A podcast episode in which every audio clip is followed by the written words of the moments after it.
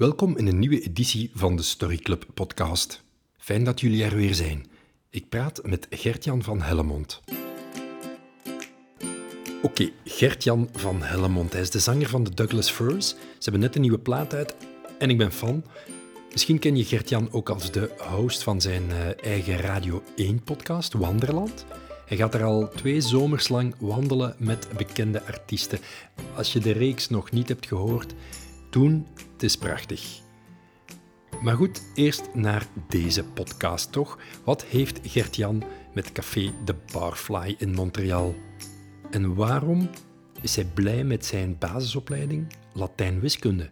In deze podcast komt je ook te weten hoe jonge Gert-Jan op 14-jarige leeftijd helemaal overdonderd werd door één welbepaald nummer.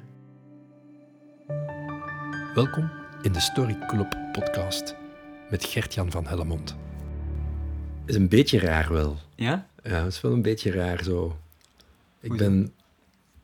Ik, ik heb alle wanderlands geluisterd waar jij dan gaat wandelen en het gesprek voert. Mhm. Is het voor jou raar om dan nu een podcast te doen waar jij geen vragen stelt?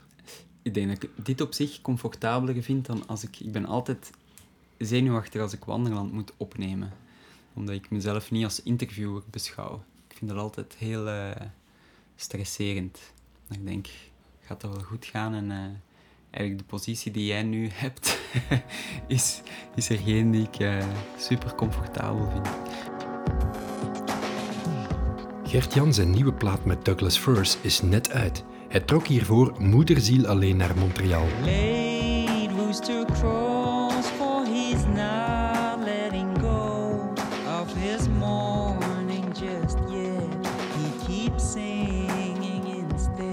Hij werkte er twee maanden intensief aan nieuwe nummers die hij s'avonds uittestte in plaatselijke cafés. Dat moest Canada zijn. Op voorhand, toen je dacht van ik ga ergens naartoe om mijn songs te gaan maken, was dat Canada top of mind? moest Montreal zijn zelfs. Ehm, omdat het de plek was uit de voorgaande reis die me echt was, was bijgebleven. We waren daar toen drie, vier dagen geweest. Die, alleen al omdat er, ja, alleen al voor het muziekcafé de Barfly in, in Montreal. Always like clouds on the sunniest of days. I see beauty in shades and the shapes it creates. Zo'n, eh, ziet er een beetje een, een bruine, bijna gevaarlijke donkere kroeg uit. Maar bijvoorbeeld op zondagavond vanaf 10 uur beginnen ze daar bluegrass te spelen. Heel, heel speciale plek.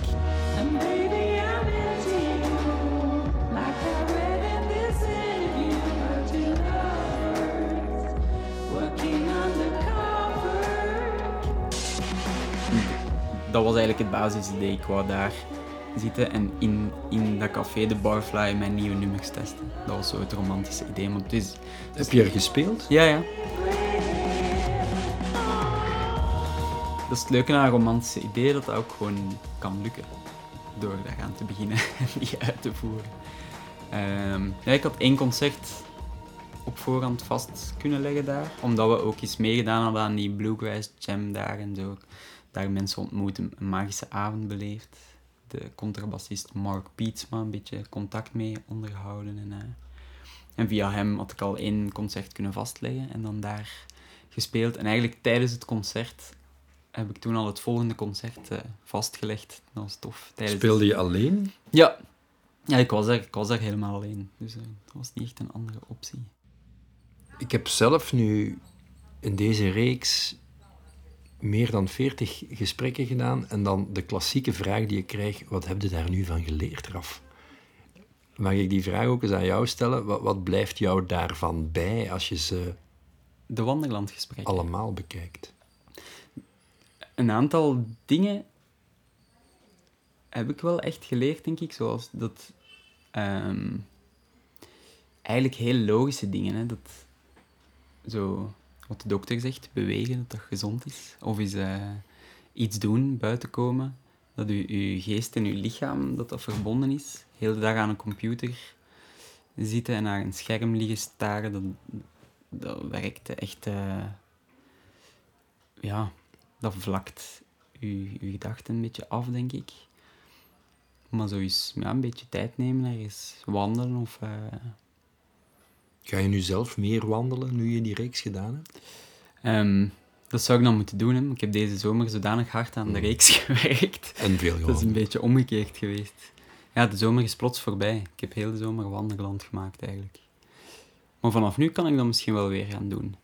Ehm, ja, het is een immens druk jaar geweest tot nu toe. Een plaat en, en dan die wandellands door elkaar maken.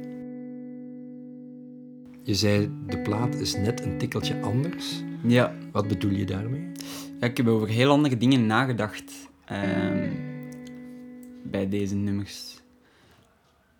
Er komen veel vragen naar boven die, denk ik, zich in de leefwereld eh, begeven van waar ik nu zit en mijn vrienden. En, en zijn dat dan de millennials, dat weet ik niet, of misschien ietsje...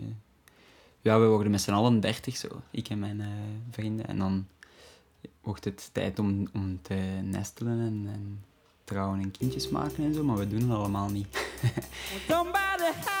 En zo vragen we wat moeten wij nu eigenlijk gaan doen. En, eh en ergens is dat ook dubbel, want dan... Ik had het daar... eh, we spelen nu soms huiskamerconcerten. En er kwam een zestiger naar mij, die zei van... Wat zitten jullie eigenlijk de hele tijd te klagen over het luxe probleem van al die keuzes? En dat is toch gewoon... Was een Gentenaar, zei, dat is toch wijs? Je kunt eh, studeren en, en daarna nog eens een jaar de wereld rondtrekken. En daarna kunt je eerst... weet ik veel architect worden en daarna kun je nog grafisch ontwerper worden. En alles kan, wat, wat is het probleem eigenlijk? En die heeft natuurlijk gelijk. Maar er gaat toch een zodanig, eh, het gaat toch aan een zodanig tempo allemaal. En moet ik het raam toe doen? Nee. Een beetje Gens achtergrondgeluid. En je ziet iedereen zo zijn, zijn dromen maar waarmaken. En, en ik heb er zelf ook zoveel. En dan daar ergens keuzes in maken. En welke droom wordt het dan? Zoals dit jaar eigenlijk ook. Heb ik, ik heb nu een plaat en een podcast gemaakt. En ik wil dat allebei heel goed doen. En, en ik geniet daar ook allebei heel erg van. Maar er zijn nu wel een aantal maanden gepasseerd waar ik nooit eens een weekend heb genomen. Of, en dat is ook niet erg. Ik wil daar ook niet over klagen, want ik doe het allemaal heel graag. Maar dat, is, ja, dat zit een beetje in die, in die nummers, denk ik. Van, moet ik op een bepaald moment iets kiezen om mijn geluk uit te halen? En wat is dat dan? En wil ik dan de wereld rondreizen of, of net niet? Ja, dat is zo'n heel kluwen aan, eh, aan gedachten. En dat is denk ik iets nieuws dat nu in de plaats zit, dat, dat in de vorige nog totaal niet eh, aanwezig was. Je komt uit een, uit een streek waar ik nu woon. Ja. Ehm, je ging naar het Sint-Theresia College, Ja, ja. waar mijn kinderen gaan. Ik ken het goed. Creativiteit, met alle respect voor de school, wordt daar niet als top gestimuleerd. Het is een klassieke ASO-opleiding. En je had wat gedaan? Welke opleiding? Latijnwiskunde. De link zie ik dan niet direct. Ja. Van waar Ehm. komt dat? Zat dat er altijd in? Ik vind, ja. Ik vraag me af of, of creativiteit, ik denk dat dat eigen is aan mensen en misschien niet aan in welke mate dat je dat kan stimuleren. Dat is, denk ik, een manier om naar de wereld te kijken. En ik, ik vond dat een heerlijke school. Ik heb daar super graag gezeten. Maar dat gaat dan ook over eh, wie dat uw vrienden zijn op dat moment. En, en dat waren toen ook al mensen met wie ik muziek speelde. En, eh, Pieter de Wulf toen, eh, die zit nu ook in Gent, de drummer van toen. Ehm, ja, ik was toen zeker al muziek aan het maken. En dat soort dingen. Wanneer ben je met muziek maken begonnen? Heel vroeg. Ehm, en dat moet, dat moet vast heel lelijk geweest zijn, maar ik heb altijd wel... Ja, melodietjes of deuntjes of... eh, En dan was er nooit het idee, ik moet naar een andere school en niet naar een college in Capelle op den Bos. Nee, ik link, ik link niet zo echt een, een school met, met dan... Ach, ja, moet zien wat ik zeg, want dat klopt niet helemaal. Je bent blij met de basisopleiding Latijnwiskunde. Ja, ik vind dat er in wiskunde ook wel schoonheid zit en ook wel creativiteit. En ik deed dat heel graag. Ehm, ik volgde toen een opleiding met acht uur wiskunde, zo echt veel wiskunde. En wetenschappelijk tekenen zat daar dan ook bij. Ehm, ik heb toen nog lang getwijfeld of ik dan muziek zou gaan studeren of, of burgerlijk ingenieur was de andere optie. Totaal verschillende dingen. Ehm, maar dat is ook iets om creatief... Bijvoorbeeld, eh, mijn klasgenoot toen, die bouwt nu robots voor de NASA. Dat is ook een creatief beroep, denk ik. Het is een heel ander, iets heel anders geworden. Maar eh, ik denk dat, dat de kunst gewoon is om je persoonlijkheid te ontwikkelen. Maar ik weet niet of je per se, als je muzikant wil worden, al van in middelbaar dan naar zo'n kunstacademie moet. Of... Daar zijn ook geen zwart-witte regels over. Dat is voor iedereen anders, denk ik. Maar voor... ik ging sowieso muziek spelen. Ik kwam s'avonds thuis en ik speelde muziek. En voor mij hoefde, hoefde dat dan... Want op school, ja, dan is dat een schoolcontext. Ik denk dat dat voor mij zelfs nog bevrijdender was om dan op school gewoon naar school te gaan en wiskunde en Latijn te leren en dan daarbuiten mijn zin te kunnen doen en dat is dan iets dat daar buiten staat en dus leuk is. En als het dan moet omdat het op school is, ik denk dat dat Hmm. voor mij niet zou gewerkt hebben. It's been a long time coming. As you shed a lonesome tear. Ehm, ik herinner me zo twee sleutelmomenten. Ehm, bijvoorbeeld toen ik 14, 15 was, in, toen we in de derde middelbaar geweest zijn, moesten we voor eh, muzikale opvoeding ons favoriete nummer aller tijden meebrengen. ik, ik vond dat een schandalige opdracht, omdat dat niet... Alleen maar dat verschrikkelijk moeilijk vond. Maar dat is toen een nummer van Alison Krauss en Union Station geworden. Eh, zo echt country muziek. Terwijl dan eh, iemand anders uit mijn klas had toen de Ketchup Song mee, bijvoorbeeld. Wondering what to do. Pff, ja, gewoon omdat ik dat prachtig vond. Ik ik vind dat nog altijd prachtig. Ik herinner me ook nog zo'n moment in, in het vijfde leerjaar vroeger, dat, dat alle klasgenootjes gingen dansen op zo'n nummer van, van Five, was het denk ik, of de Backstreet Boys. En ik wou dat toen principieel niet doen, gewoon omdat ik dat een super lelijk nummer vond. Achteraf gezien vind ik dat wel grappig. Dat is ook niet dat ik dan een ruzie had of zo, en dan, of dat ik dat of dat ik daar buiten stond, buiten, buiten die groep of zo, denk ik. Maar ik wou daar gewoon niet aan meedoen. En, en ik heb toen Tears in Heaven van Eric Clapton gespeeld, dat weet ik nog. Omdat ik dat dan wel een mooi nummer vond. Is, eigenlijk ging dat daar niet om. Eigenlijk ging dat om de groepsactiviteit, besef ik nu. Maar dat had ik toen niet door. Dat leek me toen belangrijk dat dat een mooi nummer moest zijn. En je zei in het begin van het gesprek, ik en vele vrienden worden dertig. Ja, Eh, ja, dan denk ik, kijk je vooruit en denk je, oei oei oei, de zwaardere jaren en de speelsheid, die gaat misschien wat verdwijnen en de zwaardere jaren komen eraan. Ja, dat is misschien dwaas, maar ik moet nu zo denken aan dat ik met, Bram en Cleo eens aan zee was en dat we heel graag wouden gaan vliegen.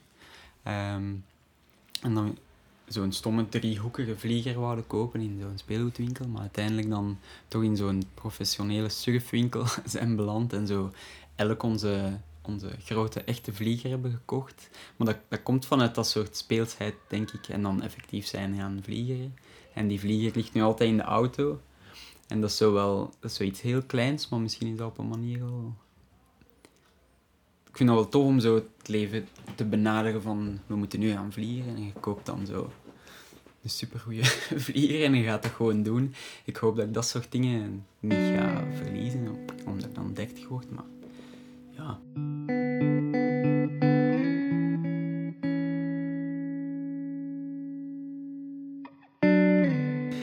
Bert Ostijn van Absent Minded ehm, kwam met de zin: mensen zijn het soms wat verleerd om tijd te maken en nog echt te luisteren naar iemand. Vond je het fijn toen je ging wandelen om eigenlijk hun eens aan het woord te laten en te luisteren naar hun verhaal? Ja. Ja, absoluut. Ik merk ook bij, bij reacties op Wanderland dat dat voor veel mensen eh, het leuke is dat, dat iemand de kans krijgt om eh, uit te praten. Wat dat vaak niet kan in een radio-interview of zo. En ik denk dat dat wel klopt, dat heeft, maar dat heeft mee te maken met tempo in alles dat zodanig snel wordt. De, de cliché dingen als ja, Facebook en het internet en... eh, och, ja, ik zat onlangs eh, op café en ehm, iemand was aan het vertellen over zijn reis van een week eerder. En die was ergens eh, in een exotisch land gaan duiken en had tropische vissen gezien. En iemand anders was gaan, gaan rondtrekken in Zuid-Amerika. En eigenlijk allemaal dingen, dan moesten onze ouders dat gedaan hebben. Zou er een dia-avond georganiseerd worden en zou er, zou er eh, per foto... Oei, Mm, bel.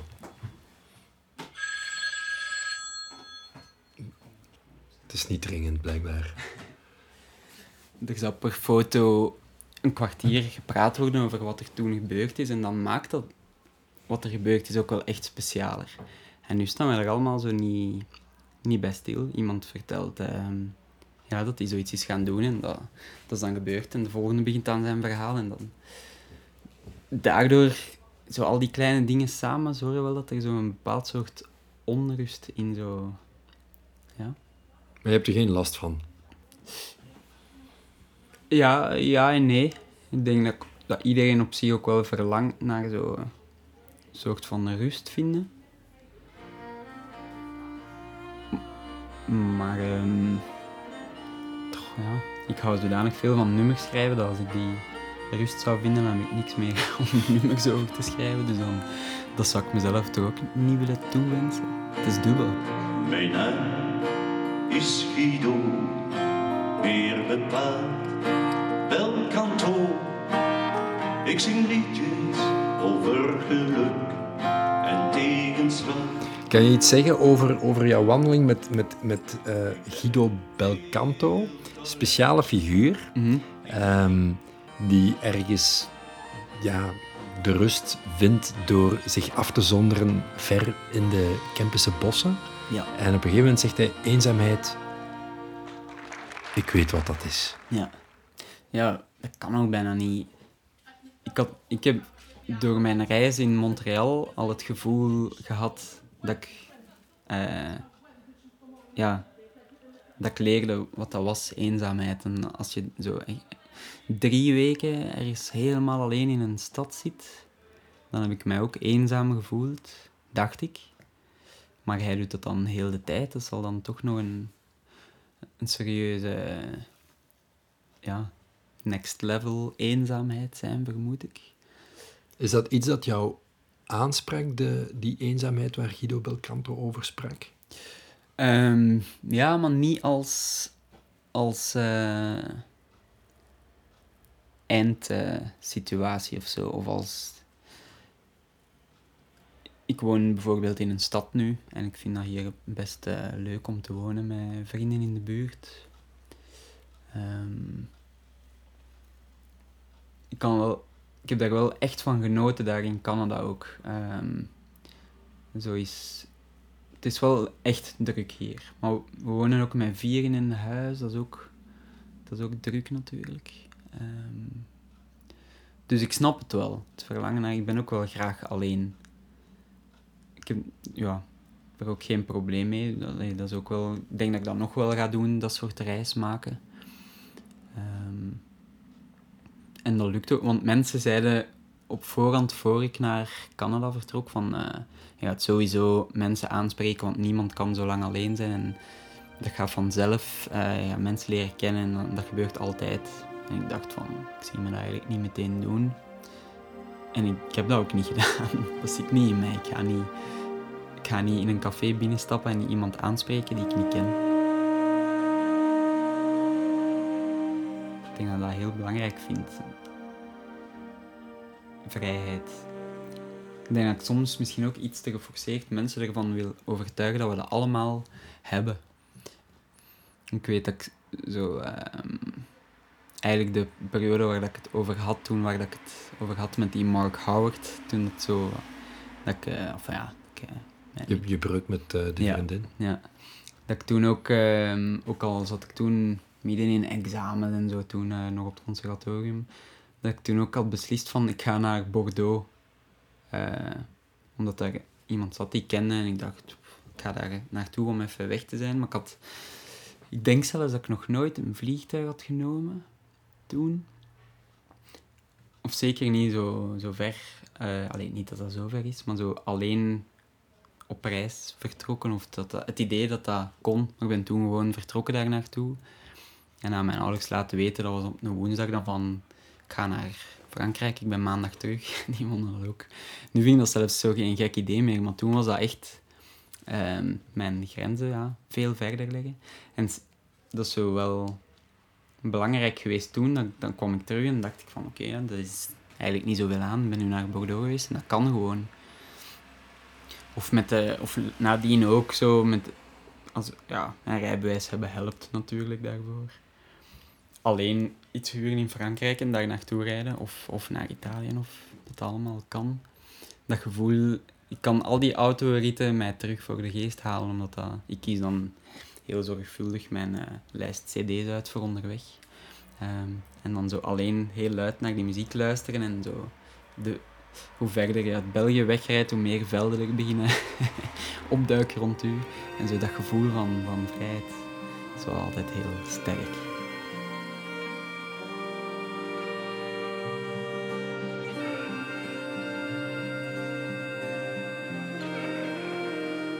Als je daar naar kijkt, Gert-Jan, heb je dan, heb je dan toch nog zo soms de metapositie van dat is de muziekscène, zo, dat, zijn, dat zijn de artiesten, hoewel jij er deel van uitmaakt, 100%, kan ik mij voorstellen dat je er soms ook naar kijkt van Ah, nee, de scene.